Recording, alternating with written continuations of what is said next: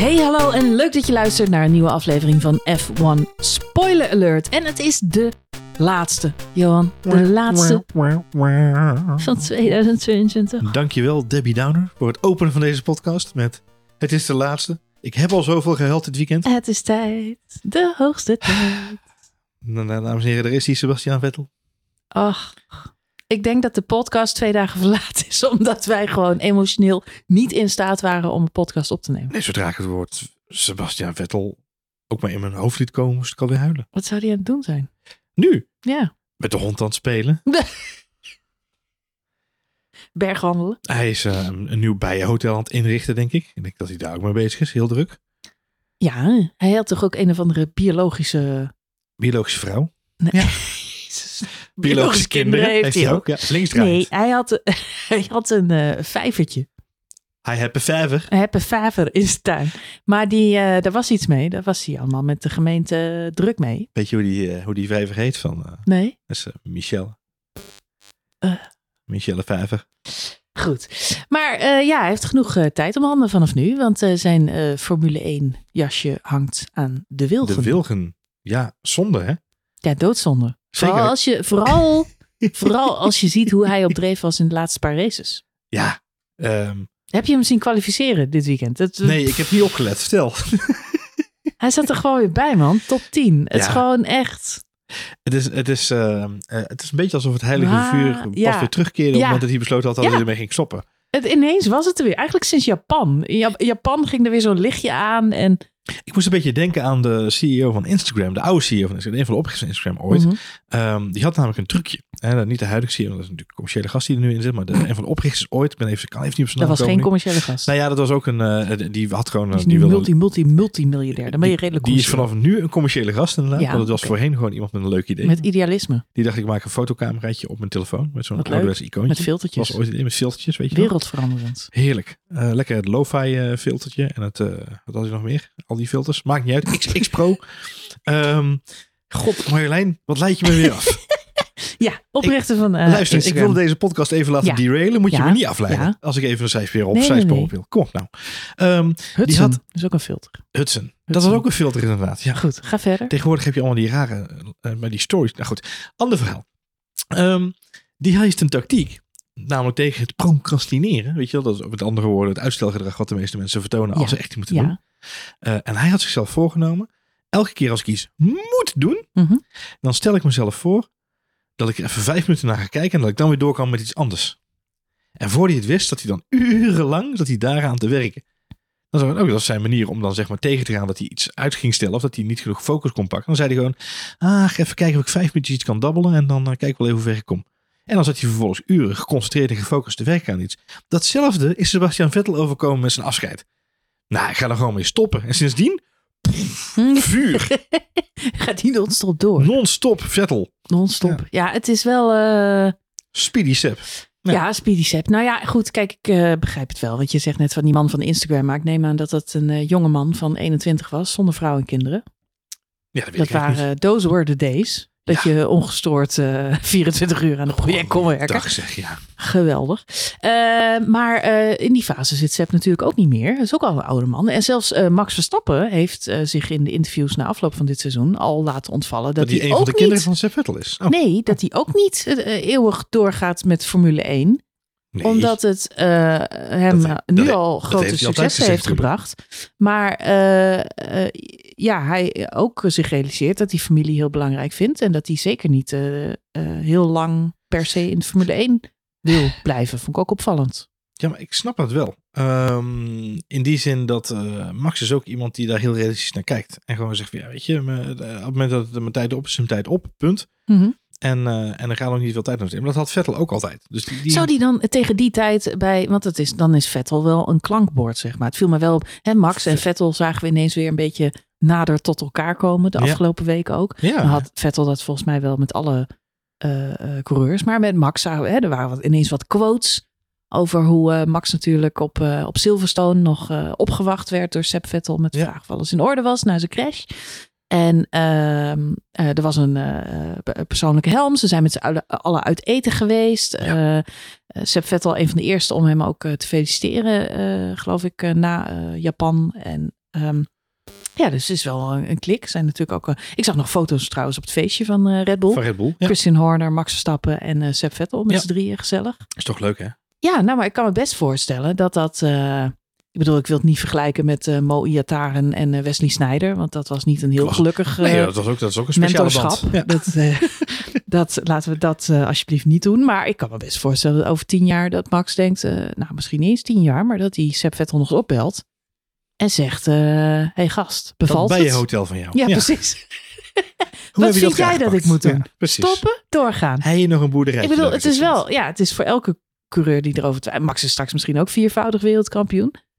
En eh, zit dan toch een beetje, ja, het is toch history repeating. Alhoewel Hamilton in de persconferentie zei, ja, hij komt gewoon terug. Ja, En ergens hou ik daar ook nog steeds rekening mee.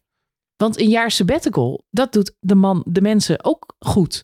Kijk maar naar eh, Fernando Alonso. zeker. Nou ja, laten we het hopen. Ook voor Daniel Ricciardo natuurlijk, die dit weekend ook... Ja, die eh, wil ook heel graag terug. Dus, eh, Maar ik, ik weet niet zo zeker. Ik vond het wel grappig bij Ferrari vroegen ze het ook hè, aan Carlos Sainz en Charles Leclerc. Van, nou, wat denken jullie dan? En Charles Leclerc van, of Carlos Sainz van, nou ja, ja, hij zal wel terugkomen met die welbekende mumpstem van hem. Ehm, ja, hij zal wel weer terugkomen, want het gaat toch kriebelen waar het niet zit. En Charles Leclerc zijn gewoon heel gedecideerd. Die zien we niet meer terug. Gewoon, die komt niet terug. Die is gewoon vertrokken, Noorderzon, en die wil de sport uit. En eh, die gaat de wereld redden. ja, ze weten het allemaal wel erg goed. Ik denk nog steeds dat hij wel terugkeert in de sport, maar in een andere rol. En ik, het zou me niet verbazen als hij de chief eh, global eh, anti-global warming mes- mes- messenger wordt van Formule 1. Ja, ik ben heel benieuwd wat hij gaat doen. Want iedereen, eh, iedereen zegt van, hè, dat is een grote plan. En in interviews haalde hij het ook wel weer aan. En er zijn andere dingen waar ik nu mijn aandacht op wil focussen. Tegelijkertijd weten we, Seb Vettel is niet echt een eh, public figure. Hij heeft niet echt... Wow. Nou, er zijn heel veel journalisten die zeggen... ik verwacht niet dat we Seb Vettel volgend jaar veel in de Formule 1... of überhaupt in de Formule 1 paddock gaan terugzien. Oh, zo bedoel je? Hij zal, hij zal er gewoon echt fysiek niet meer bij zijn. Het interesseert hem ook niet om commentaar te komen leveren of, eh, of Nee. dingen te komen doen. Nou ja, wat mij wel opvalt, hij heeft natuurlijk dit jaar ook dat, eh, dat Engelse programma gedaan. Hè? eh, dat politieke programma waar het dan gaat over Mhm. Britse, begin in dit geval over de Britse politiek. En, Ja. en, nou, Mocht hij als Duitser. mocht hij als Duitser iets komen Ja. vertellen inderdaad. Dat Ja. pakte hij wel heel erg goed aan, moet ik zeggen. Natuurlijk een wereldburger, hè? Zoals zo'n wereldburger. Nee, ehm, maar dat, dat pakte hij wel, ja, dat sympathiek en goed aan. En hij liet daar ook wel zien dat hij een, een goed onderbouwd Jij denkt van dat de hij de wereld politiek heeft. in gaat. Nou, niet zozeer de politiek. Ehm, want ik denk dat dat ook te ver van zijn bedshow is, om het zo maar even te zeggen. Maar het zou me niet verbazen als hij wel wat meer die kant op beweegt om te zorgen dat hij bepaalde doelen kan bereiken die hij voor ogen heeft nu. Dat hij wel zijn, zijn stem, zoals hij dat nu ook steeds zegt, dat hij die gaat gebruiken voor, eh, om, om bepaalde boodschappen verder te brengen dan de Formule 1 paddock. Dus nou, aan de ene kant zou het me niet verbazen als hij dat gaat doen in die hoedanigheid. Hè? De, zijn rol met name op, eh, op eh, climate change en wat we daarvoor kunnen doen. Hè? De, het, het CO2 vrijmaken van de Formule 1. Dat hij daar een rol in gaat spelen. Zou me niet verbazen. Anderzijds inderdaad wat jij zegt. Dat hij gewoon de hele paddock terug toekeert en zegt... Uh, Toeledoki, ik op een andere manier inkleden. Kan ook. Ja, ik ben heel benieuwd. Want ik zit op Instagram valt mij op. Hij is heel actief ineens. Voor iemand die 32 jaar, nee wat is hij? 35. 35 jaar geen social media heeft gebruikt. zou ook grappig zijn hè? als je 35 jaar jaar, geleden ja. al social media Best knap gezet. Maar eh, eh, eh, helemaal niks. In Manada. En van de ene op de andere dag Heeft zijn manager besloten. zie ik dagelijks, maar dan ook echt dagelijks, hele schattige kartfoto's van Seb Vettel voorbij komen. Vandaag had hij weer een foto dat hij bij zijn moeder op schoot zit. Het is altijd zijn vader. Zijn vader was natuurlijk ook eh, veel aanwezig in de... Dus dat hij dit weekend heel veel op schoot. Eigenlijk inderdaad. Ja. Nee, ja, goed. Zijn vader was natuurlijk ook uitgebreid in beeld. Eh, Nobby, die ja. hebben het samen gedaan. Maar eh, het viel me op dat hij vandaag ineens zijn moeder bedankte. Ja. En nee, maar allemaal foto's. En McCarthy. Michael Schumacher kwam nog voorbij. Ja, het, waar, gaat, waar gaat het heen? Wat waarom, is El Plan? waarom? Ja, wat is El Plan? Ja. Waarom ineens je hele eh, Jeugdalbum. jeugd, jeugdalbum op Instagram knallen? Ja, Wat- waarschijnlijk waar heeft- gaat het heen? Ik denk dat Norbert gewoon een eh, map met foto's gevonden heeft. En zoiets heeft gehad van, nou, laten we maar die, iets moet op ook een, die man moet ook een hobby. Ja, nee, nou, een hobby geven. Ik weet het ook niet. Ja, ik vind het, ja, ik, ik, ik, dat, dat, van dat klimaat, dat snap ik. Maar het voelt als een soort guerrilla marketing. Ik denk dat hij iets aan het voorbereiden de is. Dat er een, ja, er zit, er zit een verhaal achter, maar wat het is. iets. Ja. Maar op dit moment hang ik echt al maanden in die kartfoto's voor mijn gevoel. Oh, ik dacht dat je aan onze lippen. Maar dat zijn we ook ja, dat verhaal. ook. Alleen, waar gaat het heen, Johan? Waar gaat het heen? Is een Heel goede schattig vraag. kereltje. Ja, dat is een hele goede vraag. Ik vond het Waar leuk dat Nico Hulkenberg, die haakt nu in. Hè? Dus die post nu foto's dat hij een klein jochie was. Maar dan ook met Seb Vettel. Dus heb je twee van die blonde Duitse Leuk. koorknaapjes. Als ze nou Nico Hulkenberg ook nog laten inhaken. Leuk. staan. Nico Hulkenberg is nog naast. Ja. En dan Mick Schumacher ook erbij. Ja, precies. alle drie de ja, Mick Schumacher, die, die, was, die zit toch in de luiers. Dus dat wordt toch een raar podium. Ja, die, dat is toch raar inderdaad. Je hebt gelijk. Dat, is is wel eh, toch Dat wel een generatieverschilletje. Eh, eens. Nee, ja, eh, ik weet niet waar het heen gaat. Ik, met de ik hoop wel dat we hem terugzien. Maar dat moet wel, want hij is nog jong. Waar ik wel benieuwd naar ben, Ja. is of we dit jaar in Drive to Survive iets gaan zien Ja, van een power sessie tussen Papa Perez, Papa Hamilton en Norbert Vettel. ik dacht ma- Jos Verstappen. Dus samen. dat zal zeker een power sessie geweest zijn. Ja, dat is een ander soort power inderdaad. Eh, nee, maar ik, met name Papa Perez en dan Norbert Vettel met z'n tweeën in een club Ja, in Monaco. Dat lijkt me een toffe setting. Kunnen we daar Ja. iets van maken? Je wil een soort reality-programma, maar dan met alle Ja, vaders. de real, the real Housefathers of Form- Formula One. Ja, goed idee. Jan niet? Magnussen, die kan ook gewoon meedoen. Jan, ja. Die is nog Zeker. hartstikke jong. Dat is Jan met lange achternaam. Die kan zeker meedoen. Die kan ook gewoon meedoen. Jos Zeker. kan meedoen. En Jo- Jos kan zeker meedoen. Ik weet, ik weet helemaal niet wat voor ouders Alonso heeft eigenlijk. Eh, nou ja, twee. Heb ik genomen. ja, dat weet ik, maar ik zie En het ze Spaans nooit. heb ik me laten vertellen. nooit. Het zijn Spaanse mensen ook. Ja, ja. Dat denk ik wel, ja. ja. En, eh, nee, en, Ik heb en nog nooit de vader eh, van Alonso gezien. De vader van Ocon hebben we natuurlijk al wel een keer gezien. Dat vind ik een beetje stijve hark. Dus die mag dan de boekhouder spelen of zo. Van, Carlos Sainz zo. senior. Leuk, Carlos Sainz ook senior. Ja, die is dol op Red Bull ook. zo, Dat wordt ook een Ja. feestje. Ja. Eh, nou, dan- vader van Hamilton, die betaalt de rekening ja, die betaalt waarschijnlijk. rekening waarschijnlijk. Ja, Ja, heel netjes. Wel uit de Ja, portemonnee van. Lewis. Dat. Ja. Ehm, en, eh, nee, ja, en dan de, de vader en moeder van Ricciardo. Die dan gewoon de hele tijd bang zijn wat Ricciardo nu gaat uithalen. Het. Ja. De Real House Fathers of the Formula One. Ik vind het het format. Ik, Ja. eh, ik, ik ga het voorstellen bij Netflix. Goed idee. Als Waarom ook niet? nou, heb je hem zien housen dit weekend? Norbert, Nee. op de baan. Ja, oh, dat wel. Ja, ja, ja. Ja, gewoon een beetje ja, zo is zaten erbij. eh, een meme nu. Nou ja, ja. Het is een mean meme. Het is een meme. Goed. Er werd ook nog Ehm, geraced dit weekend. Er werd ook nog geraced, Johan. Je zou het bijna vergeten. Maar het was niet alleen maar Seb Vettel die afscheid nam. Max Verstappen won de laatste Grand Prix van, eh, van 2022. Een eh, verdiende overwinning, zou ik zo zeggen. Viel weinig op af te dingen. Het leek even spannend, want die Mercedes die waren natuurlijk in Brazilië ineens weer razendsnel. Ja. En toen begonnen ze te, te testen op de vrijdag. En toen dacht iedereen, oeh, zou Mercedes goed toch echt terug zijn? te- Ja. terug zijn? En toen toch weer niet. En het kwam. Ja. toen trok Red Bull even zijn- zijn, eh, zijn motorkleppen open en toen was het snel klaar. Nou ja, ik denk dat de, de race dit weekend een eh, perfect voorbeeld van het hele seizoen was. Dat gaat. Wist jij dat dit eh, voor het eerst sinds 2018 was? Dat er weer een front row lockout was? was voor Red Bull. voor Red Bull? Ja. Dat was lang geleden. Dat is lang geleden. Ongelooflijk. Ik ga niet nog een keer het Eurovision facilitje herhalen. Maar dat is lang geleden. maar echt? Ja. Dat, eh, dat is opmerkelijk. Dus op zich goede startpositie voor, eh voor Perez natuurlijk ook. Max er wel eh, voor, zou je ook wel verwachten. Op jacht naar die tweede plek natuurlijk. Mij viel me op, vorige week hebben we natuurlijk uitgebreid over gehad. Maar er was een hoop te doen over, over Max Verstappen. En had hij nou Sergio Perez eh, voorbij moeten laten gaan daar op het laatst. Ik ben daar nog steeds vrij uitgesproken over. Ik vind van niet. Of in elk geval, ik vind dat had van tevoren besproken moeten worden. Ja. En dat zijn uiteindelijk ook een beetje de, eh, ja, de interviews die Max en Red Bull nog hebben gegeven. eh, naar aanleiding van vorige week. Waarin ze allemaal aangaven, ja, luister. Als iemand me van tevoren de gameplan had besproken en doorgenomen. Dan had ik op een andere manier in de wedstrijd gezeten. Maar je kunt niet Nee. eh, onder adrenaline in de laatste ronde van de wedstrijd. Op vier tiende van Alonso, die die probeert in te halen. Zeggen, hé hey Max, ga eens even op de rem staan. Nee. Ehm, want ik ben best bereid om hem te helpen. Maar eh, dan wil ik wel graag eh, dat van tevoren goed uitgelopen besproken hebben. Red Bull heeft toegegeven dat dat niet gebeurd is. Daar gaan we dan maar vanuit dat dat klopt. Dat denk ik eerlijk gezegd ook wel. Want het was allemaal een beetje vaag Ja. hoe, dat, hoe dat liep. Uiteindelijk, en dat is het goede nieuws Johan. Ja. Het had allemaal geen snars uitgemaakt. Nee, weet je, En daarmee, zand erover, case closed. Kees, Kees, Gewoon- ja precies. Case is wegwezen. closed. Kees, Kees wegwezen. Jij was er ook heel erg uitgesproken over. Ja, Bij Red Bull waren ze er met z'n allen heel uitgesproken over. Want Ja. ze hebben het lekker met elkaar uitgesproken. ja. En ik moet eerlijk zeggen, dinsdagochtend toen ik Twitter voor de zoveelste keer opende en de zoveelste discussie zag, dacht ik, ja jongens, nu ben ik ook wel even uitgesproken. ja, het gaat ook helemaal nergens meer over. ik Jongens. was er wel een beetje klaar mee. Dus Die- ik heb het onderwerp heel snel laten varen Ja, deze en eh, ik moet ook zeggen, laat het alsjeblieft de laatste keer zijn dat we zo'n ding maken van die tweede plek. Ik bedoel, ik snap het. De laatste vier races zijn ook niet meer zo heel spannend.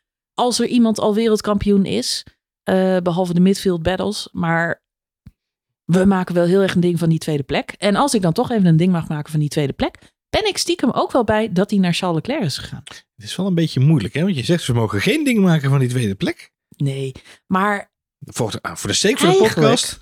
eigenlijk vind ik... eh, ik vind dat Charles Leclerc die plek eh, verdiend heeft dit seizoen. Ja, ik eigenlijk ook wel. Dus het is heel saai, maar ik vind het wel een beetje eens. Want hij heeft gewoon de meeste eh eh pole positions gereden dit jaar. Hij is Dat sowieso. eigenlijk Weet je nog dat we wel- vorig jaar eh, Max Verstappen heel vaak gezegd hebben... juist verdient wereldkampioen, want hij heeft de meeste overwinningen. Ja. Nou ja, ik vind dan Charles Leclerc ook wel de verdiende tweede plek winnaar. Ja, maar niet op basis van die pole positions natuurlijk Nou eigenlijk. ja, maar het is wel een, eh, telt wel mee. Het, het- telt wel mee. het laat wel zien wat hij van een dijk van het seizoen gereden heeft, wat Ja. mij betreft. Geldt overigens voor Sergio Perez ook, hè? Want gewoon een verdubbeling van zijn aantal punten ten opzichte van vorig jaar. Dus nou ja, ja geweldig goed gereden. En, eh, en, en tot nu toe de, ja, de meest succesvolle teamgenoot van Max die hij tot op heden gehad heeft. Dus ik ben het met je eens, als eh, Perez tweede was geworden, was dat wat mij betreft geen goede reflectie geweest van dit hoe seizoen. het seizoen zich afgespeeld heeft tussen de coureurs. En als je Mhm. kijkt, dan kijk je over 20 jaar kijk je op Wikipedia, of wat dan dan Slikkelaklu heet. Want Wikipedia bestaat niet meer, is overgenomen door een of andere Tsjechische start-up. We kijken ook niet meer op websites. Nee, we kijken niet meer op websites, we krijgen het, Het eh, zit allemaal in ons hoofd. we krijgen het via mind bullets krijgen we er binnen geserveerd. Yes. Eh, we prikken het via onze USB-kabel naar binnen. Ehm, dan kijk je naar die stand via je virtuele bril van Apple. En dan ehm, zie je op die stand staan dat Perez tweede is geworden. En dan denk je, ja, dat was spannend man. Max 1 en Perez 2, dominant Red Bull. En dan denk ik, ja, dat, dat is niet de reflectie van het seizoen wat ik gezien heb. Dus nee, op basis van het gevoel wat ik overal aan het seizoen denk ik, ja, het ging tussen Verstappen en Leclerc feitelijk. Ja. Perez was er vaak net wel, maar meestal net niet bij. Ja. Dus ja, laat dan ook maar zo. Ik vind, daarom zeg ik, wat mij betreft was die race zondag ook wel echt een reflectie van het seizoen. Want ja, eens. Perez was er net wel, maar er ook net niet bij. Nee, het was, eh, ja, eh, het kwam nauw, laten we maar zeggen, welke pitstop-strategie je in Abu Dhabi moest kiezen. En dat was van tevoren al een beetje bekend. Alleen, je weet niet alles. Je weet niet de, hoe de track eh, temperatuur, temperatuur, ik kijk altijd in het Engels, Lekker Formule 1. multilingual Dus ja, ik, huh, ik merk dat ik sommige termen ook alleen nog maar in het Engels hoor. En dan, eh, dan vergeet ik de Nederlandse vertaling helemaal. Altijd. de, de temperatuur van de baan, Johan. Temperatuur van de baan. Mhm. Ehm, die kan nog variëren en wisselen. Dus het was lastig. En Pirelli geeft dan wel een advies. Maar we weten, hè, we hebben het vaak over. Uiteindelijk moeten de teams zelf met een goede strategie komen. Het leuke was van deze race dat de teams bij de start van de wedstrijd eigenlijk ook nog niet goed wisten welke strategie het zou gaan worden. Dat hing allemaal van de tire dag, degradation af. En dat ontvouwde zich pas in de eerste paar rondjes. Daarom hoorde je ook heel veel bordradio. eh, hoe het er nou precies mee ging. Wat Ja. opvallend was, is dat dat bij Max eigenlijk best wel lekker zat. En bij de Ferraris ook. Wat de Ferraris trouwens goed door hadden. En dit vind ik ook weer echt een eh, eh, dikke vette eh, duimpje omhoog naar Carlos Sainz. Carlos Sainz had het in zijn auto in de race al in de gaten. Die hoor je op een gegeven moment op de bordradio. De Red Bulls are going for one stop, yes. Eh, omdat hij ook merkt aan het tempo wat de mannen op kop rijden. Ja. Hey, ze zitten dicht bij ons in de buurt. Dat betekent eigenlijk dat ze inhouden, want we weten dat ze veel harder kunnen. Ja. Dat betekent dat ze banden aan het sparen zijn. En dat was ook eigenlijk het, eh, het plan bij Red Bull. Echter, eh Perez lukte dat niet. Wat Max wel lukte, lukte Perez niet. Hij had zodanige bandenslijtage, eigenlijk al na 18 ronden, dat hij op dat moment eh, tijd verloor en naar binnen moest omdat op dat moment de dreiging ontstond van Leclerc. Die zou dan eventueel een undercut kunnen doen. Ja. En dan ben je het haasje. En dan had hij op, eh, op track position ehm, verloren. Ja. Dus Ferrari heeft feitelijk... eh, en eigenlijk Perez zelf ook... zichzelf in die twee-stopper geduwd. Dus was het een strategische fout van Red Bull? Nee, zeker niet. Eh, ze hadden de één-stopper heel graag willen laten werken. Voor Max kwam dat wel uit. Maar we weten allemaal, Max, een van zijn grootste onderbelichte talenten is toch wel de manier waarop hij met zijn banden eh, omgaat. Ja. Ehm, Perez heeft dat gewoon minder. Eh, het- rijdt het- het minder was- vloeiend, kost hem meer banden. Het was vooral deze compound, hè? want ze ja. hadden ook dus volgens mij de zachtste compound samenstelling van het setje. En hij gaf ook ruiterlijk toe, Perez, na afloop van de race, van joh, deze compound, deze samenstelling, ligt me eigenlijk al heel het jaar niet. Dus ja, dat was ook te zien in die eerste stint. Die kan hij nog gewoon, verbeteren. Ja, dat is iets waar hij op kan Leclerc verbeteren. is daar echt wel beter op geworden. En sowieso de Ferraris wisten dus die banden wel aardig te managen. Nou ja, ik denk dat het, mooie wat jij zegt, dat de wisseling tussen de twee ehm, eh, strategieën van de twee teams, ehm, zie je ook terug gespiegeld. Want Sainz staat ook op een twee-stop uiteindelijk. Dus het laat maar zien dat zelfs binnen een team, hè, Ferrari, Leclerc met een één stop, Sainz met twee stop, eh, eh, dus ook, hè, en Max ook één stop en Perez ook twee stop. Alleen het verschil zie je dan bij Sainz, die bandenmanagement, de, eh, dat, extra stukje eh, wat hij erop kan rijden zorgt ervoor dat hij eigenlijk veel dreigender kan zijn in de laatste fase van de race. Daar waar Perez het natuurlijk veel zwaarder had. Nog even los van het feit dat die Ferraris op die harde compound natuurlijk als een jekko gingen. Absoluut, absoluut. Ja, nou, en, en het is een heel dun lijntje, want we horen Vettel op zeker Vettel zit ook op een één-stopper. Die horen we klagen, how did we get the strategy so wrong? Want die baalt, omdat hij denkt, we hebben totaal de verkeerde strategie gekozen Ja, en dit klopt. levert helemaal geen snars op. Gelukkig pakt hij uiteindelijk nog wel een punt, door het uitvallen van Hamilton natuurlijk op het laatst. Ehm, maar ja, een, een één-stopper werkte dus ook niet het beste in alle gevallen. Het had heel erg te maken met waar kom je terug op de baan. Perez maakt uiteindelijk die twee-stopper zit dan echt nog in verkeer. En hij moet uiteindelijk Hamilton nog inhalen op het laatst in de wedstrijd. En dat Ja. kost hem natuurlijk ook eh, heel veel kostbare tijd. Misschien wel net de 1 à 2 rondjes die hij nodig had gehad om op het laatst nog eh, Leclerc in te halen. Hij komt Ja. gewoon niet snel genoeg dichterbij. Nee, nee, dat is het verhaal. Hij kan het dan En Leclerc die heeft echt gas erop staan hoor in de laatste paar rondjes. Die rijdt ook gewoon voor zijn leven daar. Ja. Ja, eh, alles voor die tweede plek. Ja, dat, dat, dat is natuurlijk uiteindelijk waar het dan om gaat. De niet zoveel toedoende tweede plek volgens. Ja, het is, een mooi, het is een heel mooi resultaat voor Ferrari. Het is een heel mooi resultaat voor eh, Leclerc. Eh, ja, stiekem ben ik wel blij. Want net wat je, ja goed, de jaarboeken, daar kijkt uiteindelijk helemaal niemand meer naar. Maar Nee, in mijn optiek was het toch wel, in elk geval de eerste seizoenshelft, het jaar van de strijd tussen Max en Leclerc. ja, wat mij betreft ook. En ik denk dat eh, eh, het ook heel goed was om te zien dat de Ferraris, het werd ook na afloop natuurlijk duidelijk, hè, dat de Ferraris veel competitiever hadden kunnen zijn. We zien natuurlijk in de tweede seizoenshelft voornamelijk dat Red Bull een loopje neemt met, eh, met Ferrari. De, de meme die rondgaat, je hebt, hem, je hebt hem voorbij, voorbij zien komen, waarschijnlijk met Binotto, die. Binotto die dan zegt, eh, there's no reason why Ferrari can't win the last 10 races after the summer break. Oh ja. ja En dan zie je daarin de overwinningen van Red Bull staan, die natuurlijk talloos zijn, om het zo maar even te zeggen. En iedereen heeft als een soort meme gebruikt van altijd tijd van, joh, nou, daar zat je lekker naast, zeg Binotto, poepoe, hey. Ehm, maar Binotto weet natuurlijk ook intussen, en dat heeft hij dit weekend ook bevestigd, dat Ferrari de motor heeft moeten terugschroeven. Ja. Daar waar Red Bull heeft kunnen optimaliseren. Niet helemaal op de motor natuurlijk, maar wel op het aero package en op het complete plaatje. Dus Red Bull had al een gelijkwaardige, misschien net maar iets tragere motor dan Ferrari heeft kunnen verbeteren in de aero en daardoor ook gewoon heel veel winst kunnen pakken eh, eh, in de, in de, vooral op de, op stukken, hè, veel extra snelheid. En Ferrari heeft die motor moeten terugschroeven. Ja, dan wordt het verschil natuurlijk wel heel erg groot. Dus het rest je de vraag, als Ferrari volgend jaar het lukt om wel een goede betrouwbare motor neer te zetten met diezelfde power, ja, dan wordt het weer een ander seizoen. Dan beginnen we weer van kiet af aan. En dat is dan toch wel interessant. Zeker weten. Eh, Ferrari grote stap voorwaarts gemaakt eh, de afgelopen weken, zou je kunnen zeggen. Niet in termen van snelheid, maar wel in termen van strategie. Wat ze deze race lieten zien was in elk geval degelijk. Geen fouten, Klopt. geen rare pitstops. Hebben ze ook een diploma voor gekregen? Ge- ja. Met een stickertje van de juf. Ja, En een medaille. ze mogen naar de volgende groep. Ja.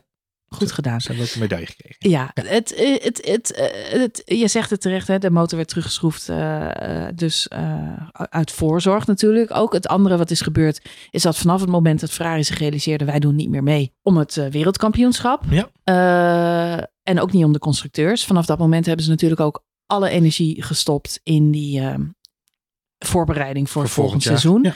Nu gaan er op dit moment wel heel veel geruchten de ronde dat eh, Binotto het veld zou moeten ruimen. Ferrari heeft zichzelf vorige week zelfs genoodzaakt gezien om een statement naar buiten te brengen dat al die geruchten niet waar waren. Ja. Wat natuurlijk een beetje eh, Ja, het is wel een beetje... vreemd is om daarop te reageren. Het is een beetje de sign of the times ook, zo'n eh, zo'n statement. Eh, wat natuurlijk gebeurde eh, vorige week in Brazilië met, even teruggrijpt, Ocon en Alonso, hè, Mhm. de situatie op de baan.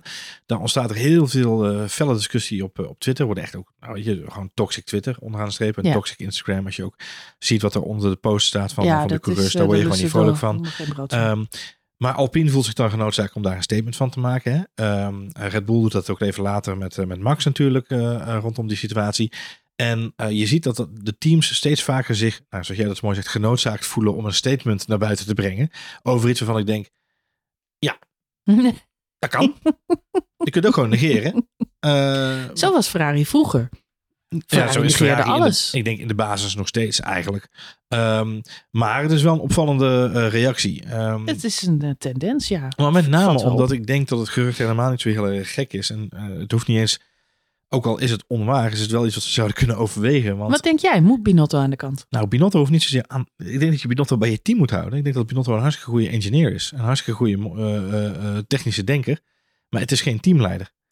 Het is niet iemand die. het is eh, geen teamleider. Ik vind het geen teamleider. Ik vind hem te, in, ook in zijn manier hoe hij communiceert en hoe hij zich opstelt. En ook hoe hij de situaties die dan dit jaar plaatsvonden met, eh, met Leclerc. Hè, als er een, een, een, een probleem of een fout van Leclerc was of een fout in de strategie. Dan werd het altijd net niet lekker opgelost voor mijn gevoel. En ehm, eh, ik denk dat het gewoon goed is om daar iemand neer te zetten. Nou, Vazeur is, eh, is wel iemand met een bak met ervaring waar je u tegen zegt. Ehm, maar wel iemand die met een wat hardere hand gewoon een team managt. Ik denk dat Binotto een hartstikke goede technische denker is, maar niet per se iemand is die een, een ploeg kan eh, managen. Ja, dat is interessant. Ja, ik ben het niet met je eens. Ik vind dat Binotto tot nu toe iets voor elkaar heeft gekregen wat bij Ferrari nog nooit voor elkaar is gekregen. Vettel is daar weggegaan.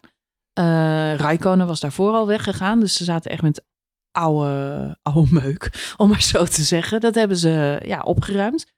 Het was een team, ja, je mocht daar niet eens eh, achter de schermen kijken. Er, eh, als, als er zo'n auto langs de weg stond, dan ging er altijd meteen een zeil overheen. En, eh, nee, geen zeil. Een keurig Ferrari rood laken. Lakentje. Nee, het was Satijn ook, hè? Heb je het gezien? ja, ja, ja, ik weet het. Ehm, het was een heel apart team. Waarschijnlijk is het dat nog steeds. Alleen de manier waarop zij op, ja, zeker dit seizoen echt een gedaantewisseling hebben gehad. In Mhm. hoe zij op social zich presenteren. In hoe, hoe zij eh, naar buiten toe treden in de pers. Ook met name vind ik hoe Leclerc en eh Sainz overkomen. Ja. Eh, mij valt ook op, hè, we hebben al ongelachen van de zomer. Eerst strategisch, begin van het seizoen ging natuurlijk allemaal mis. Was lachen, gieren, brullen. Op zeker moment merk je dat er een nieuwe, een nieuw elan in, de, in Ferrari is. De coureurs mogen ineens meepraten over de strategie. Dat was even wennen en soms een beetje houterig, een beetje vreemd. Nu, de afgelopen drie races, valt mij wel op dat, ik noemde het net al, Carlos Sainz die over de boordradio overlegt over de teamstrategie van Red Bull, dat goed in de gaten heeft. Er begint wel een chemie te ontstaan waarvan wij allebei in het begin van het seizoen zeiden, was gewoon slecht, was gewoon echt druk. En ik zeg niet dat ze het eh, volgend jaar, kijk volgend jaar moeten ze het opnieuw doen onder druk. Nu zat er geen druk meer op, Eh, dus was het misschien ook wel relaxed. Mij valt ook op hoe eh, luchtig Charles Leclerc nog steeds in het leven staat, terwijl hij echt wat te verduren heeft gehad eh, dit seizoen tegenslagen die echt gewoon nou, bijna niet te behalpstukken zijn. Carlos Sainz trouwens precies hetzelfde. Die is ook regelmatig uitgevallen. Het feit dat die jongens allebei nog zo ja, positief in het leven staan, dat vind ik al verbazingwekkend. En laten we niet vergeten, die auto, die was gewoon bloedsnel begin dit seizoen. Snelste auto op de baan. Ik denk dat we eh, ons zorgen moeten maken voor komend seizoen. Of in elk geval de mannen bij Red Bull en zeker ook bij, eh, bij Mercedes Mhm. dat eh, er een nog sterker Ferrari aan de start verschijnt begin 2023. Wat ik me afvraag is. Onder leiding van Binotto. ja, maar wat ik me Ik kan niet anders zeggen dan dat hij het geïnstigeerd heeft. Mede. Eh, nee, ja, dat ben ik ook wel met je eens. Die verandering hebben we samen ook al eens eerder over gehad. Ik denk alleen dat je nooit kunt zeggen dat er geen of weinig druk is bij Ferrari. We praten over een van de grootste automerken ter wereld. Dus ik denk dat er altijd druk is eh, bij Ferrari. Als het niet vanuit de buitenwereld is, dan is het wel vanuit de binnenwereld, om het zo maar even te zeggen. De, de, de binnenskamers, de eigen, de eigen omgeving. Het valt mij eh, op dat het, en dit, heb ik al eens vaker gezegd, bij Ferrari is er een soort van cycli gaande, hè, gaande. Waarbij we zien dat er om de zoveel tijd komt er een nieuwe teamleider, komt er een nieuw fris talent binnen. Eh, na, hè, sinds Schumacher is het eigenlijk altijd al zo geweest. We hebben Rijkonen gehad. Eh, we hebben Vettel daar binnen zien komen. Je krijgt de kans om er een aantal jaren iets van te bakken met, die, eh, met het talent. Alle pijlen gaan op dat talent. Hè. Dat talent moet het gaan doen voor het team. En als het dan niet binnen x aantal jaren lukt, dan stijgt de druk vanuit de organisatie. En dan komen er dit soort vraagtekens, dit soort geruchten naar boven drijven. Dit is niet nieuw. Dit heeft Arie Verben ook zijn ko- zijn kop gekost uiteindelijk binnen, binnen Ferrari. Die is natuurlijk nu hartstikke leuk CEO bij Juventus. Dus die mocht gewoon binnen de Fiat-familie mocht hij door. Eh, dus die is nu ineens CEO van een voetbalclub. Kan gewoon. Dat je eerst een eh, Formule 1 team leidt en nu ben je gewoon de, de, de directeur van een voetbalclub. Maar dat geldt voor Binotto ook. Hij heeft nu eh, een aantal jaren met Leclerc het mogen proberen. Het is erop of eronder. En als jij zegt van, eh, ik ben wel met je eens dat er een cultuurshift heeft plaatsgevonden. Ehm, al is het alleen al de social media eh, admins, die is natuurlijk Nou, en ook mechanisch. En ook mechanisch. Het is gewoon een, een goede auto geweest dit seizoen. Het is sowieso een van de mooiste auto's. Het badkuipje is sowieso een van mijn favoriete auto's van dit seizoen. Nee, het badkuipje. Maar ehm, ik denk wel dat als hij mag blijven en als er Ja. geen verandering komt, dan is de druk voor- op Binotto's schouders wel hoger dan dat hij de afgelopen jaren is geweest. Ik denk dat, maar ik zou, het, het zou eeuwig zonde en stom zijn om hem nu te vervangen. Zeker nu in de winterstop. Ja, eens. Maar goed, we gaan het eh, zien eh, wat ze bij Ferrari gaan doen. Het zal een eh, hete winter worden. Een hete winter. Een hete winter. Ehm, Er was nog meer gevecht op de baan. Het ging niet alleen om de overwinning of de plek 2 in het kampioenschap, zoals juist uitvoerig bes- besproken. Het ging ook nog om een aantal gevechten in het midden- en achterveld. Ja, Alhoewel achterveld. Williams en eh Alfa Tauri zullen blij zijn dat ze dit seizoen achter zich laten. Wat een dramatisch seizoen voor Alfa Tauri. nou met name de tweede seizoen zelf van AlphaTauri is echt om te janken. Ja. En met name Pierre Gasly heeft gewoon echt... Ik denk dat als er iemand met een zure nasmaak in zijn bakkers eh, het seizoen eindigt, dan is het Pierre Gasly wel. Want holy crap, als je toch ziet, Yuki Tsunoda kwalificeert best oké. Mhm. Ik zeg niet dat het, eh, de, de, dat het interessant is op de, op de grotere schaal der dingen, maar het is in verhouding 12e, 13e, 11e, af en toe een keer in de top 10 eh, afgelopen eh, de tweede seizoenshelft. Maar normaal gesproken zo rond de 12e tot 14e, 15e plek. Pierre Gasly heeft gewoon, volgens mij heeft hij al een aantal keer al Q1 niet eens gehaald in de tweede seizoenshelft. Gewoon puur omdat hij niet met die auto overweg kon. Nou, dat. Maar ik denk dat Pierre Gasly ook wel echt te maken had met een motivatieprobleempje. Vanaf het moment dat hij eh, enerzijds op zoek was naar een ander team, of toch ook natuurlijk getekend had al bij Alpine, Ja. Eh, vind ik wel dat we de oude Pierre Gasly weer eh, terugzien. What- zou ik bijna willen zeggen. What came first, the chicken or the egg? Dat is wel de vraag. Het kip Ja, dat ei? is de vraag. We hebben natuurlijk gehad, Pierre Gasly bij, naast Max Verstappen, dat was geen succes. Ging hij terug naar Alfa Tauri, hij had die soort eh relight my fire moment, dat hij ineens Zat hij natuurlijk naast Albon. als een phoenix uit de as ja, zichzelf wilde bewijzen. Prompt die Grand Prix won daar in Monza, wat Ja. natuurlijk geweldig was. Maar dit seizoen, ik snap het, de auto is niet best.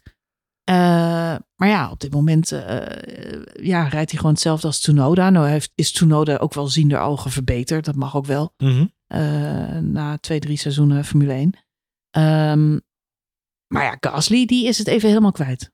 Ja, en, en, Of in elk geval heeft er ge- geen zin meer in bij, eh bij Alfa in ieder geval zijn goede zin was hij kwijt, laat ik het zo zeggen inderdaad. Ja. En daarmee ook wel een beetje de snelheid. Hij heeft natuurlijk ook wel pech gehad met zijn auto. Maar goed, het, is, het zegt natuurlijk wel heel veel dat hij vandaag eh, tijdens de, de, de, de, tests, in de Abu Dhabi, na afloop van seizoen natuurlijk, mocht hij in de Alpine stappen. Nou, dat was met veel de vivre, om Ja, hij is heel zeggen. blij dat hij zijn, zijn occasionnetje van Honda heeft mogen inruilen voor een... Voor een nieuw Frans model. nou, niet eens een nieuw, Nee, maar ook ook, eh, weer een Maar een beetje, eh, van... een eh, beetje ruiken naar Alonso? Ja. ja. een Renaultje, Het, een riekt, Renaultje. het riekt hier naar eh, Spanje. Ja, hij was er wel blij mee, zei hij. Het- het- nou ja, blij is een understatement voor wat die jongen vandaag al Oh, heeft ja? geroepen over eh, Echt hoe waar? blij die was. dat hij deze- tekort. Superlatief? Dat was, Oh, dat eh, kon hij echt niet wachten. Het was superlatiefie, was dit. Stond te popelen Ja, dat is echt... eh, om bij zijn nieuwe baan aan de slag te het, gaan. het was zo goed. Het was zo'n stap voorwaarts. En nou is het ook zo. Hij stapt natuurlijk van de nummer 9 naar de nummer 4 hè, in het klassement. dat is zeker waar. Dus het zal zeker wel eens voordeel hebben. En we hebben allemaal gezien dit seizoen die Alpine kan als een raket gaan. Aan de ene kant qua snelheid, aan de andere kant soms qua verbranding. Hè? Dat is een ander verhaal. Maar het is, het is eh, de manier waarop hij zich vandaag ook in die test in Abu Dhabi eh, eh, uitliet over zijn, zijn move. Ja, ik, ik snap dat hij positief is, maar dit was ook nog een schepje erbovenop, zeg maar. Dus Ja, we gaan het zien. Volgend jaar een hele Franse line-up bij Alpine. Ocon, Gasly en de rest van het team natuurlijk. Dus ik ben heel benieuwd. ik was op zoek naar het Franse, mijn Franse uitspraak maar van het woord line-up. Maar dat, ja, Nee, nee, nee. Nee. Ik kan alleen de developer. Dave Laba. De developer. Die ken ik ook nog. toen- wij vroeger naar Parijs gingen voor die beurs. Ja, voor die beurs met allemaal Def Leppers. Ja, want de, de flappers. En die heeft maar één arm, hè, die drummer. Dat is echt heel typisch. Goed, eh, jij refereerde er zelf al even aan. Alpine Oh, ja. wordt vierde in het kampioenschap. Dat is, is was ook nog even spannend, want eh, McLaren had die plek nog af kunnen pakken. McLaren had wel een heel goed weekend. Lando Norris pakt de snelste ronde en ook de zesde plek. Ja. Eh, Daniel Ricciardo pakt nog punten in zijn laatste we- wedstrijd. Daar was Ja. hij ook heel blij mee. Schrok er zelf ook een beetje van, denk ik. Ja, maar desalniettemin was dat niet, Niet genoeg, genoeg. om eh, Alpine in te halen. Terwijl Alonso nog uitviel. Die ene Alpine inderdaad. Ja. Ja. dat is toch typisch dan, hè? Dat is Ja. dat dan niet... Ja, eigenlijk zouden ze dat gewoon... Heel eh, sneu dat Alonso uitviel. Ik had toch het idee dat Alonso als een soort bodyguard van Seb Vettel rondreed dit weekend. Ik weet niet of andere mensen het ook is opgevallen, maar mij viel op dat in de kwalificatie Fernando Alonso ineens in geen velden of wegen te bekennen was. Nou, dat is uitzonderlijk. Want Fernando Alonso die niet nou, die leeft al voor de Q3 zaterdag, haalt, ja. Ja. dat, dat, dat is een zeldzaamheid. Dan als moet er als iets... het erin zit inderdaad. Ja, dan moet er iets met de auto zijn. Of in elk geval staat Ocon dan niet heel ver uit de buurt. Maar die, hij, zat gewoon geen gang in. Het leek alsof hij niet eens zijn best deed. En volgens mij, Johan, is dat omdat hij op die manier hoopte dat Sepp Vettel een extra kans kreeg om in Q3 te komen. ja, hij zal het nooit toegeven. Nee. Maar denk- eh, ik denk dat, het wel. Ik denk niet dat dat el plan was. Maar, dat denk ik eh, wel. En vervolgens in de wedstrijd rijdt hij gewoon keurig achter Sepp Vettel. Hij, heeft, eh, hij is naar Sepp Vettel toegegaan voor de Oh, ja? En hij heeft uh, Sepp keurig uitgelegd dat hij in de eerste rondes niet zou aanvallen. eh, Nee, dat deed hij ook niet. En Want dat, eh, Ocon die was allemaal aan het racen. En je ziet die Alonso echt denken, Ocon, zou het nou eens op met je bak. Ja. Want die, die, die probeert nog allemaal aan te vallen. En uiteindelijk gaat hij dan ook voorbij aan Vettel. En Alonso, die zien we altijd in de aanvalmodus. Altijd. Ja. En die, die rijdt gewoon keur, die, die probeert het niet eens. Die rijdt als een soort ja, beschermhoesje gewoon achter Sepp Vettel aan. Leuk. En denkt uh, Latifi, Mick Schumacher, ze moeten allemaal uit de buurt blijven. Want dan krijgen ze met mij te Hij maken. heeft een Alondo-hesje. Ja, Een beschermhesje. ik vond het wel schattig. Het was heel schattig. En ik vond het wel heel grappig. Hij viel hij helaas wel uit. Dat, ja, nou, dat was vervelend. Want dat gaan, dan gaan En we toen dus kregen we geen donuts. Nee. Lewis Hamilton dacht ook, In geval maar niet. eh, ja, Lewis Hamilton dacht ook, daar heb ik geen zin in die Nee. donuts. Maar eh, nee, eh, van dat Alonso er niet bij was op plaats, vond ik toch jammer. Sowieso slecht voor de lijn, hè, donuts. Ja, weet ik. Maar het is natuurlijk hè, de baan waar Alonso ooit afscheid nam en die kwam weer terug. Ja. En nu was Alonso er gewoon niet bij. Dus jij denkt dat als we nu wel die magische ja, als we wel Alonso hadden gehad, erbij hadden gehad, dan zou Vettel nog terug zijn gekomen. Het is een soort toverspreuk, zeg je. Ja, het, is een, het is allemaal Harry Potter. Alhambra Donulala. Ja. Donulala. Donulala. Ja. Oké. Dus, maar goed, eh Alpine, heb jij er verder nog iets over, eh, een mening over? Of, Nee, eh, ik denk een terechte eh, prestatie van Alpine. Omdat Ocon en Alonso eigenlijk... Zelfs Alonso in zo'n draak van het seizoen, laten we eerlijk zijn. Die, die man, heeft die man pech gehad dit jaar. Eh, Ja, eh, doodzonde, Echt doodzonde inderdaad. En, en ik denk dat ook... En toch, ja, je zegt pech, maar hij heeft zo'n positieve indruk. Ik, ik kan me alleen maar... eh maar dat komt een omdat tweede hij- startrij heeft hij, of eerste startrij heeft hij ook nog Maar meegemaakt. komt het, dit hij, hij zorgt voor spektakel. De klasse Ja. van de coureur zorgt voor spektakel. Maar de betrouwbaarheid van de auto en ook een aantal strategische keuzes binnen het team hebben hem dit seizoen echt wel een fix aantal punten gekost. Ik denk dat het wel echt tientallen punten zijn waar we over praten. Ehm, maar ook kon ook gewoon een heel stabiel goed seizoen gedraaid. Dus ik denk die, die, die plek van Alpine daar gewoon terecht is. Vergelijk je dan met McLaren. Eh, lucky number 7, Lando Norris. Hè? Zo vaak al zeven, nu ook zeven in het kampioenschap. Dat hij zelfs overweegt om Kimi Räikkönen te bellen of hij zijn nummer mag hebben. Ehm, voor volgend seizoen. Eh, ja, weet je, aan Lando Norris valt weinig af te dingen. Ehm, maar ja, kijk naar Daniel Ricciardo. Als je zoekt eh, in het woordenboek naar wisselvallig. Eh, dan staat er een foto bij van Daniel Ricciardo. Ehm, en eh, Oh. ja, dat is dezelfde foto die ook bij teleurstellend staat. Maar dat is weer een ander verhaal. Oh, Maar het is, het is natuurlijk, ja, weet je, als iemand gewoon een heel maf seizoen heeft gehad, als Daniel Ricciardo wel. Met eigenlijk gewoon maar een handjevol punten onderaan de streep. ja, hij is even zijn mojo kwijt. Het is een beetje Matthijs Licht van de Formule 1. Hij is even zijn mojo kwijt. Het is een beetje de Matthijs de Licht Ja, van de is dat Formule zo? 1. Oké. Hartstikke talentvolle coureur, maar eh, hij moet even met spectacle. Misschien, eh, ja, misschien gaat het wel voor meer coureurs. Oh, Matthijs de Licht. Sorry, ik dacht even, ik dacht, ik dacht even Matthijs van Nieuwkerk. Nee, En nou zo ja, die is ook, ja, die is ook, die is ook zijn die is mojo al heel lang zijn mojo kwijt. Dus eh, nee, dat, eh, dat niet. Ik zie, ik zie, ik zie, ik zie, ik zie hem al rondschreeuwen, Ricciardo, op de, binnen de nee, garage. nee, de, de, nee de, de vergelijking met Ricciardo en Matthijs van Nieuwkerk, die wil ik totaal niet Die maken. te zoeken, hè? Ja, nee, ik denk typisch. niet dat, eh, dat hij zich daar eh, Nee. schuldig aan zou maken. Ik denk juist dat het een hele goede gast is om erbij te hebben. En dat zal waarschijnlijk ook de reden zijn dat ze hem bij Red Bull dan toch wel weer terug heb- willen hebben. Ja, Alhoewel ik het ook wel gewoon een ballsy move van Helmut Marco vond. Of misschien gewoon een Helmut Marco move. een Helmut Marcootje. Punt. Ja. Ehm, dat hij dat in een interview eh, zo dropt. Ricciardo Ja. heeft het ook eh, in de interviews wel bevestigd dat hij aan het praten is en ervan uitgaat dat het allemaal wel goed gaat komen. Ehm, maar het voelt ook een beetje als een, eh, een tik op de vingers voor Sergio Perez. Zo van eh, even terug in je hok jij. Ja. Want die had natuurlijk vorig weekend wel erg veel noten op zijn zang eh, dat Max hem niet voorbij had gelaten. Eh, enerzijds had hij daar natuurlijk wel een punt. Maar tegelijkertijd moet hij ook wel een beetje op zijn woorden letten. En, Jij eh, zegt het is een dimme pressactie. ja, het is een dimme Perez. Een dimme Perez. Ja, dat weet ik wel zeker.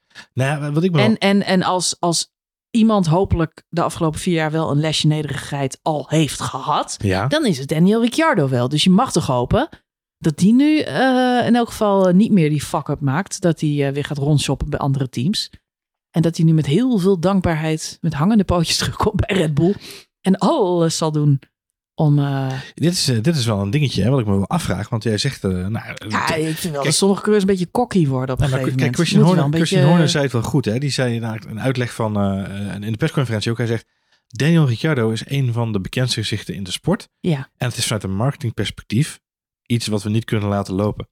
En laten we eerlijk zijn. ehm, ik denk dat Daniel Ricciardo voornamelijk terugkomt voor de demo runs en voor de leuke social media content video's die ze maken. Zoals al die toffe video's in Las Vegas en in eh, Mexico en eh, al die eh, eh, toffe locaties waar ze filmen.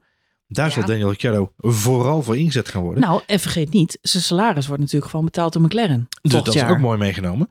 Eh, dat scheelt ook weer in de budgetcap Ja. voor Red Bull. Helman Marco zal gezegd hebben, oh, oh, hij wordt betaald. Ja. Ja, hallo, waar Nou, tekenen we? Handig voor de budgetcap Ja. inderdaad. Want ehm, Voor de budget. naast deze... naast de, Vier jaar geleden kreeg hij nog 50 miljoen. Nu krijgen ze hem nu gratis. krijg je hem gratis. Natuurlijk pakken ze die deal. Het is gewoon een riant Ricardootje. Oh, Wat, ehm, wat wel zo is, Marjolein, is dat naast deze Australiër zit namelijk een Kiwi. En dat is. Liam Lawson. Die ook dit weekend weer gereden heeft in de auto van Max Verstappen. Ja. Eh, tijdens de vrije training. Ja. Eh, en die is op papier volgend jaar de reservecoureur, de vaste reservecoureur van Red Bull. kijk. Dus dan is even de vraag. Wat komt Daniel Ricciardo dan precies doen? Nou, dat is dus die showruns en die demo-video's. Ik denk dat dat echt wel een eh, dingetje is. En ik ben wel benieuwd. Kijk, even onderaan de streep. Hè. Op papier zal misschien dan Liam Lawson wel de, de, de coureur zijn. Maar ik denk dat ze stiekem toch ook wel Daniel Ricciardo mee zullen inschrijven. En ik denk dat als het echt nodig is, ze dan misschien toch wel zullen kiezen voor de ervaren coureur. Maar Nou, ik vind het echt ook een lekker pressiemiddel voor Perez. Perez doet natuurlijk fantastisch, hè? Ge- eh, hartstikke goede coureur. Eh, maar hij is, hij is soms ook wel een beetje wisselvallig. En eh, nee, ik- eigenlijk is Ricciardo de afgelopen jaren een baken nee, van, totaal van stabiliteit. Nee, dus de vraag is of eh, Perez zich echt oprecht zorgen maakt. Aan de andere kant, je hebt wel nog iemand achter de hand. Hè, wat nou als Perez ja, nou ja, op de een of andere manier toch echt irritant wordt? Ja, Dan zeg je gewoon, ja, sorry Perez. Maar ik heb Ricciardo en die staat te popelen om weer in deze auto te stappen. En om vooral zichzelf te bewijzen dat hij niet met staart tussen de benen de Formule 1 uit is geschopt door Mhm. Jan en Alleman. Ja, die gretigheid, die is natuurlijk wel iets om je druk om, om te maken. Het was een fantastisch coureur. eens. Wellicht kan hij dat weer worden. Nou, kijk, wat, wat- wel belangrijk is, is ik denk dat eh, onder Perez en eh, met Perez en Verstappen, dat die combinatie, dat heeft Red Bull nu gebracht wat ze gebracht heeft. En daar moeten we wel gewoon even gewoon met z'n allen eerlijk in zijn. Ja, Max Verstappen heeft het kampioenschap helemaal volledig zelf gereden en verdiend. Maar voor Red Bull als constructeur hebben ze voor het eerst in al die jaren weer een constructeurskampioenschap te pakken. Hebben ze voor het eerst sinds jaren weer 1 tweetjes. Eh, niet alleen eh, op de baan hè, aan het einde van de wedstrijd, maar ook op de startgrid. Ja. Dat zijn dingen die voor een, voor een renstal verschrikkelijk belangrijk zijn. Dus daar mag je niet zomaar overheen stappen. Ook al vinden wij dan misschien af en toe een beetje een, eh, een mierenneuker, die Perez. En dat vinden wij eigenlijk helemaal niet tot aan twee weken geleden. Om, laten we met z'n allen heel eerlijk zijn. want Tot op die tijd was er niet zo heel veel op hem aan te merken. Ehm, Nou, ik kan, er gewoon, ik, ik kan er gewoon niet over uit dat je gaat lopen zeuren dat iemand je voorbij moet laten. nee, natuurlijk. Maar, dat, Dat, is, dat vind ik gewoon, maar daar dat waren vind we ik gewoon janken. Ja, nee, dat weet ik. Maar goed, kom op. Hallo. Maar wel even jouw... Ga op eh, je rem staan. Nee, maar jouw, ehm, eh, jouw redenatie volgende, ben ik het met je eens. Eh Perez heeft na volgend jaar, hè, na het jaar sabbatical van Daniel Ricciardo, nog een eenjarig contract bij Red Bull. Mhm. Want hij heeft in principe 2023 en 2024 nog in zijn tasje zitten. Nou, dan is wel de vraag inderdaad, eh, hoe gaat het volgend jaar? Eh, en- en als je het zo bekijkt, uh, volg ik even jouw trein der gedachten. Ja, dan is het inderdaad wel een pressiemiddel naar, eh naar Perez toe. Omdat dat hij nu weet dat er een, een ervaren en bloedsnelle coureur op de bank zit. Die zit te wachten. Eh, je zult wel moeten, moeten leveren. Ja. Absoluut. Ik weet niet of ze hem zo gaan gebruiken hoor, maar ik, ik snap wel wat je bedoelt. Nou ja, het, het, het, het- kijk, het is een hele lastige positie die, die tweede eh, rijder zijn achter een wereldkampioen. En als ze er met ehm Perez en Ricciardo niet uitkomen, dan kan ik maar één andere eh, naam bedenken. En dat is eh, Bottas. Ja. Waarvan ik al vaker heb gezegd, Red Bull zijn gek. zijn, ja, de, de- het is gewoon de ideale man. De tweede coureur bedoel je? Ja, Nee, de ideale man is weer een ander dingetje. Hè? Ja. nee, ja, nee, ja, voor de, de plek man- van de man tweede voor, coureur. De man for the job. De man- eh, ja, De man with the Bottas mustache. is de man for the job. Yes. George Russell is dat absoluut niet. Nee, maar laten Die we... wil ook geen tweede zijn. George Russell eh, presteert dit jaar eh, Goed. boven zijn teamgenoot. Dus Voor het eerst boven Hamilton. Ja. Dat is toch... eerste seizoen gelijk erboven eindigen. Ja, Hartstikke is goed. Bottas nooit gelukt. Nee. Maar dat wil je ook niet, Johan, je tweede coureur. Weet ik niet. Ja. Ah, maar goed, het, eh, ja, het- ik, ik ben benieuwd. Het is wel een, een, een plek die lastig is. We zien nu met eh, Gasly, hebben we het net over, die verliest ook zijn motivatie Ja. en, en, en zijn ambities. Ja, Albon heeft het ook uitgesproken hè, dit jaar. Dat hij na zijn tijd bij Red Bull dacht. Ik, eh, ik twijfel wel aan mezelf of ik het kan. Of ik het wel durf. Ja, dat, dat gaat op een gegeven moment aan je knagen. En de vraag is, kijk, eh, Per- voor Perez kwam Red Bull op het juiste moment, want hij lag uit de sport. En ik, het valt mij wel op dat Red Bull gewoon eh, lang wacht en ehm, eh, ja, toeslaat als het eh, op het laatste moment eigenlijk, als het, als het ijs race is. Als ze weerbaar. Als ze weer als ze, als ze, als ze eigenlijk Nou ja, als ze eigenlijk mentaal lam geslagen zijn. ja, Ja. in de touwen liggen. Mm, Want spakken. Perez was gewoon zonder een stoeltje twee jaar geleden. Het seizoen was ten einde en hij had geen plek. En pas aan, na afloop van het seizoen werd bevestigd dat hij bij Red Bull zou gaan rijden. Ideale moment. En eigenlijk doen ze nu met Ricciardo precies hetzelfde. Eh, het seizoen is al afgelopen en het zal dan eh, de komende weken wel eh, bevestigd worden als McLaren inderdaad bevestigt dat ze zijn salaris nog een jaar doorbetalen. Want daar zal het wel Ja. op, op hangen, op die financiële Misschien, afspraken. misschien kunnen ze het uitruilen. Een beetje, een beetje minder salaris, een beetje meer windtunneltijd voor Ja, Red ze zullen bij McLaren zeggen, ja, hoe zeven. Het was niet de bedoeling dat hij naar Red Bull zou gaan. Maar goed. ehm, Wat, wat het mij wel doet denken, ik Ja. moet daar de afgelopen weken veel aan denken. Dat heeft Nou. ook te maken met het interview van Lando Norris met, Ja. eh, met eh, de media. Ehm hè, Lando Norris heeft ook al bevestigd dat hij eh, eh, kort eens een keer een oriënteringsgesprekje heeft gehad met eh, wat mensen van Red Bull. Van hey, zou het een optie ja, heeft hij al wel jaren geleden ook verteld in eh Ehm, podcast. en ehm, eh, wat het mij wel doet afvragen, nee, maar ook recent nog, hè, voordat hij Ja, ja, bijtekende ja, bij. McLaren. Eh, hè, dat was natuurlijk het, eh, de, hij heeft recent bijgetekend bij McLaren, langdurig contract. Goede slag van McLaren, denk ik, want Lando Norris laat dit seizoen gewoon zien dat het een hartstikke snel een goede coureur is. Ehm, ik zou hem heel graag naast Max zien trouwens, dat is een ander verhaal. Maar jij zegt terecht, tweede Zou man. het leuk zijn. Ja, maar tweede man Wordt te gezellig. wordt dan nou ja, of te gezellig of het wordt te venijnig hè, op den duur. Want ze willen toch graag van, van elkaar winnen, denk ik.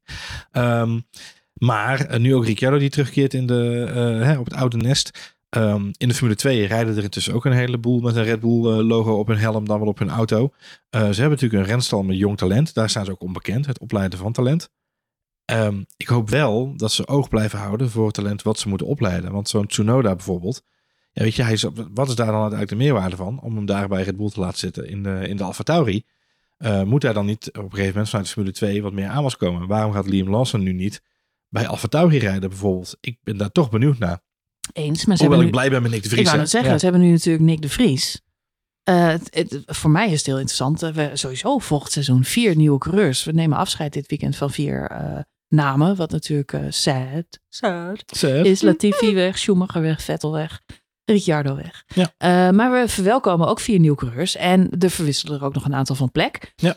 Dat maakt 2023 nu alweer tot een eh, heel interessant eh, seizoen. Eens. Eh, ik kan me voorstellen dat Alonso eh voordat dat hij de overstap maakte naar Aston Martin, als ik zo de beelden van dit weekend zie en zijn relatie met Seb Vettel, dat hij absoluut even met Seb Vettel heeft gebeld. Mhm. En Ja. toch heeft gevraagd, hey joh, zit er vooruitgang in het team? Denk je dat het wat kan worden? Heb ik daar nog een leuke paar jaar plezier?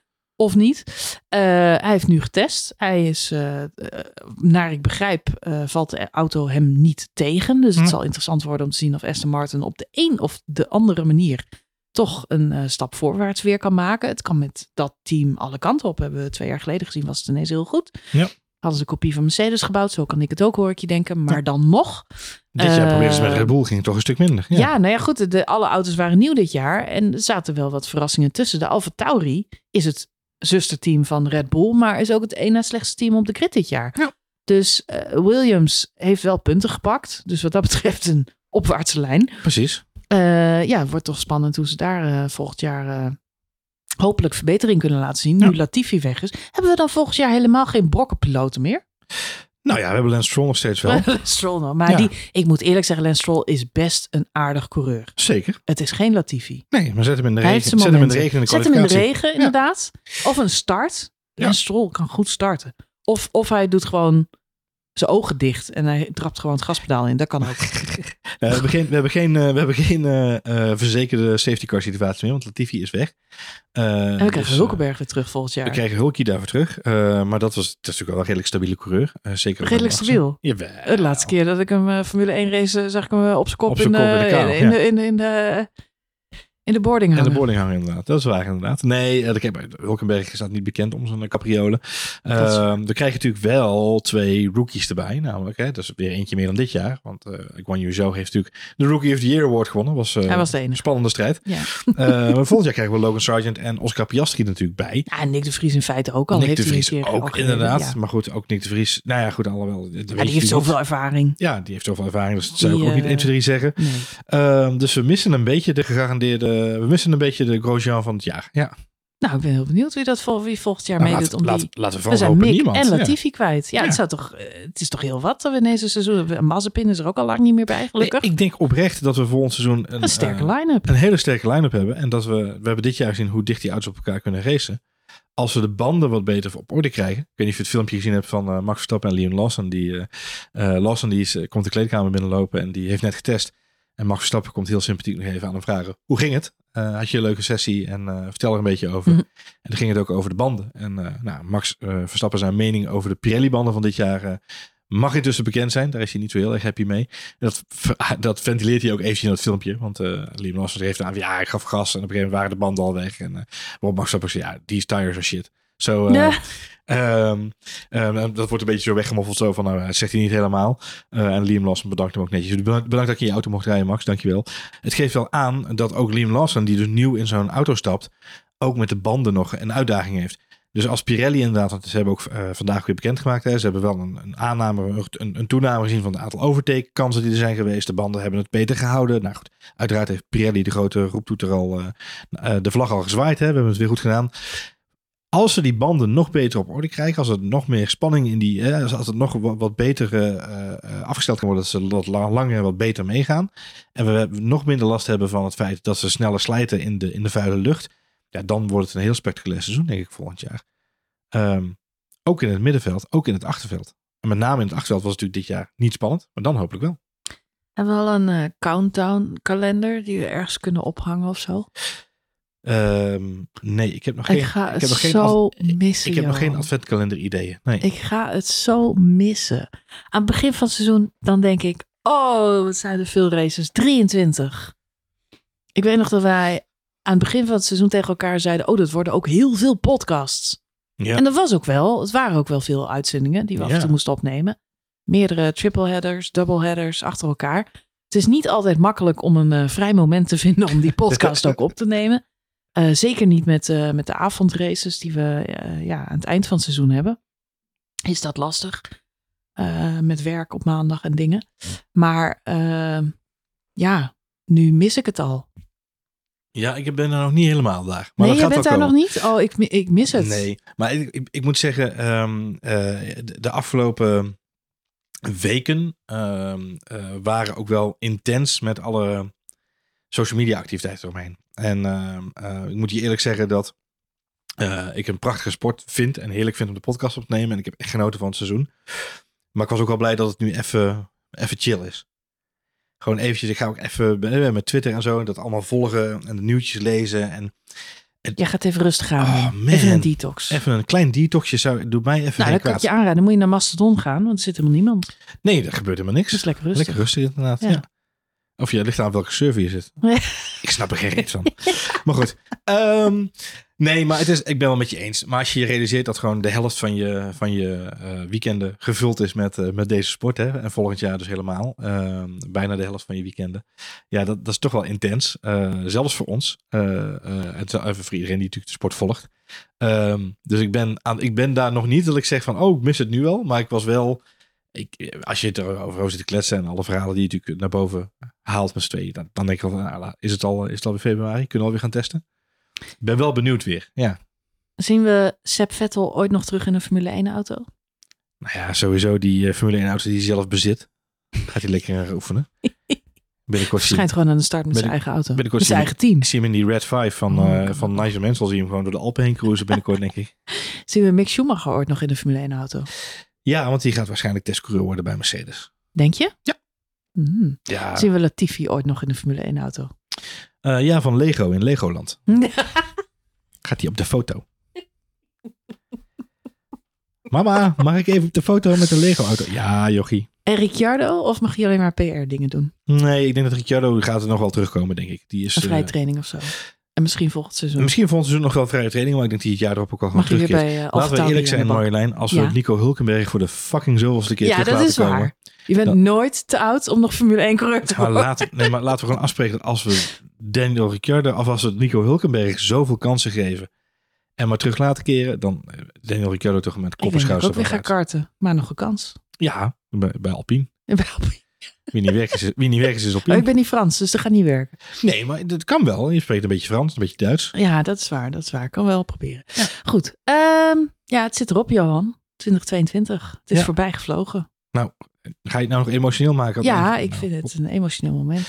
Nou, Ik nou, heb er moeite mee. Maar eh, we gaan eh, even Sinterklaas vieren binnenkort. Oh. En dan is het ook alweer kerst. Dan gaat hij ook alweer weg. Die laat ons ook al alleen. Ach god, ja, het is allemaal heel traumatiserend. Dan komt maar ik moet zeggen, deze weken word je als jonge ouder een beetje geleefd. Matthijs van Nieuwkerk gaat ook al weg. Ja, Geen top 2000 café. God toch. Godverdomme, er blijft niks over. Niks Er is blijft heilig. Niks is heilig in Nederland. Serieus, die boot is gezonken. Ja, Vliegtuig ja kapot. het is, eh, kinderen worden vroeg met eh, teleurstelling eh, Vuurwerk mag ook al niet meer. Ze hebben bij de NPO waarschijnlijk gedacht, fuck die curling ouders. We gaan gewoon dat schip laten zinken. Dat zal leren. Dat is een heel ander verhaal. Ehm, ja, nee, eh, het is eh, nu een eh, hectische drukke tijd. Dus ik denk dat we de komende weken wel doorkomen met, met andere activiteiten. Gelukkig maar. En dan is het eh, kerstvakantie. Daarna is het dan januari. En dan zitten we allemaal heel somber in dat grauwe weer weer op kantoor. Dan is er Mm. even helemaal niks leuks om naar uit te kijken. Wat weet je toch mooie plaatjes te schetsen voor ons, Marjolein? Ja, ik probeer realiteitszin te kweken, Fijn. Johan. Realiteitszin. Iedereen maar, wordt, iedereen wordt Johan, er gloort licht aan het eind van die tunnel. Want tunnel. 23, 24, fe- 25 februari Is het carnaval? 2023 is geen carnaval. Want dat is daarvoor al Oh, geweest. Ja. Geloof ik, zeg ik even uit mijn hoofd. Eh, schrijf het in je agenda. 23 tot 25 februari. Wintertests, Formule 1. In Bahrein. En dan mogen we weer. Oh, dat is fijn. Inclusief de tune, Ah, het kippenvel. Maar onze tune? Nee, de Formule, Oh, gewoon, de Formule Heb je dat 1 tune. niet als je dan de wintertest aanzet en je Nee. krijgt die Formule 1 tune? Dat je meteen weer kippenvel hebt en dat je Ja. denkt, oh, het begint weer. Nee? Nee, Oh, Ja, ik heb dat wel. misschien. Weet niet. Ik ken het computer. Ja, ik, eh, oh, ik hou ervan. 404. En er gebeurt ook vaak helemaal niks, want het is natuurlijk Ik hartstikke saai. Maar het, ik vind het dan al leuk. Het is alsof je je familie heel lang niet gezien hebt door corona of zo. En dan ineens zie je elkaar. Het is toch emotioneel. Ja. Bijzonder. Volgend jaar natuurlijk ook een nieuwe Grand Prix. Ja. Las Vegas krijgen Las we Vegas erbij. krijgen we erbij. We mogen En nog weer een keer in Zandvoort uit onze plaat gaan. China is van de kalender. Ah. Eh, overigens, dus dat scheelt alweer een weekendje. Dat scheelt alweer. Vanwege het zero-covid-protocol in het Ah. land. Dus dat, eh, Dat scheelt zeker. we kunnen niet eh, de coureurs daar eh, drie weken laten logeren helaas. Dus ehm, Nee, dat gebeuren. wordt lastig met al die triple dat headers. gaat niet gebeuren. Of je moet drie Grand Prix organiseren. Maar goed, dan moet je Ja. aan de voor- en de achterkant ook weer drie extra weken quarantaine. Voor je het weet hou je geen Formule 1 seizoen meer over. kunnen de quarantaine geen race meer zien. Nee. Maar- Goed. Ehm, ja, Johan. Ik weet niet of Twitter nog bestaat tegen die tijd. Maar mochten de mensen ons eh, ergens anders willen vinden. Dat is dan op eh, Dan kun je op, mastodon.social.network eh, Mastodon. slash Europe slash worldwide Nee. slash F1. F1 spoiler alert. At mastodon.nl. NL. Dat We is zitten hem. op de NL Ja. instance. Moet ik wel weer inloggen. Ik zit, Ja, ik zit nog ingelogd. ja. Denk ik. Maar we hebben wel volgers daar. Dus eh, doe er wat mee. Check. En eh, Twitter, daar weet je niet van of het morgen nog bestaat. Dus Dat is wel waar. Als, het, eh, als je het echt... als het een... Ja, nee, je weet het niet. ja, pan, full-blown panic mode. The time is now. Time Maar goed, mocht dat allemaal niet werken, dan hebben we ook nog gewoon onze Instagram kanalen. En zoals altijd onze hele gezellige Telegram chat. Chat, Dus ben jij ook bang voor die wintermaanden? Kom dan gewoon naar even in uh, die is trouwens alert. verwarmd, die Telegram-app. Telegram. Ja, dus Oh, dat ja? scheelt in de wintermaanden, ook al heb je het koud. Ja. De Telegram-app is altijd lekker warm. Altijd lekker warm. Ja.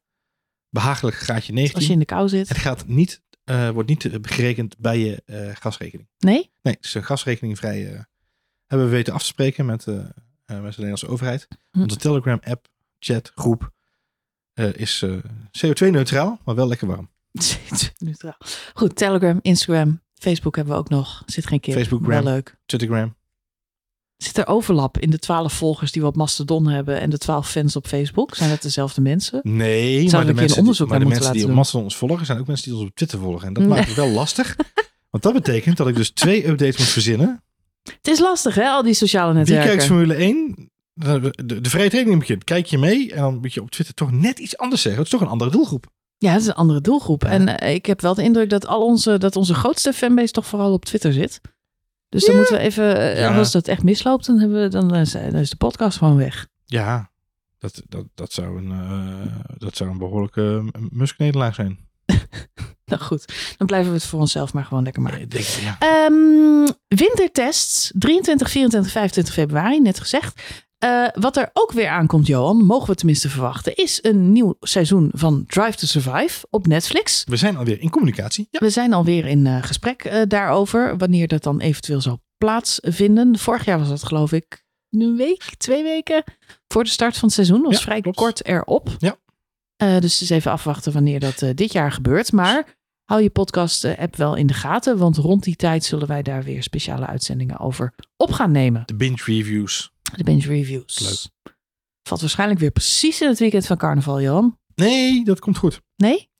Oh, jij weet meer? Nee, ik kan daar eh, Geen uitspraak. bevestigen nog ontkennen. En ik heb er ook geen actieve herinnering aan. Oké, nou dat klinkt uh, veelbelovend. Ehm, heb jij nog wat eh, toe te voegen? Nee, behalve dat ik het eh, fijn vond dat iedereen weer het hele jaar ons geluisterd heeft. Zeker, zeker. dat het En, ook naar het einde van deze podcast, dat nu al Als behoorlijk mensen dat lang nu al duurt. gehaald hebben, dan vind ik Ja. het heel erg knap. Ja, dankjewel Het daarvoor. feit, ik zei het aan het begin van de uitzending, voordat de band liep, zei ik tegen jou. Ik vind het altijd weer een verrassing als wij de podcast opnemen. Dan denk ik altijd, wie zit er nou te wachten op twee maloten achter een microfoon? Of in ieder geval één maloot en, en één kundig persoon. En toch vinden mensen het gezellig. En toch vinden mensen het hopelijk nog steeds gezellig. Of ze lachen ons allemaal frontaal uit. Dat kan ook, dat weet ik niet, want dat horen we niet. Nee. Maar ik vind het eh, eh, leuk. We zijn ook dit jaar weer gegroeid. En daarvoor eh, dank. Want ik, dat geeft ons ook de energie om het te blijven doen. En, en al jullie appjes, waar blijft de podcast? Dat exact vind ik vandaag ook, ook weer, jongens. leuk. Dus dat is. we komen er nu gaan aan. We gaan hem snel afmonteren. We gaan afmonteren. Dank voor het luisteren. Dank voor ja, jullie reacties het hele jaar door. Dank voor een mooi seizoen. Dank voor het mooie seizoen. En iedereen alvast hele fijne feestdagen, Johan. Feestdagen. Ja, feestdagen. Ja, die komen er ook aan. Je hebt Die gelijk. komen er ook aan. Het is Geniet altijd ervan. fijn om daar weer Even geen Formule 1. Even geen Formule 1 Twitter.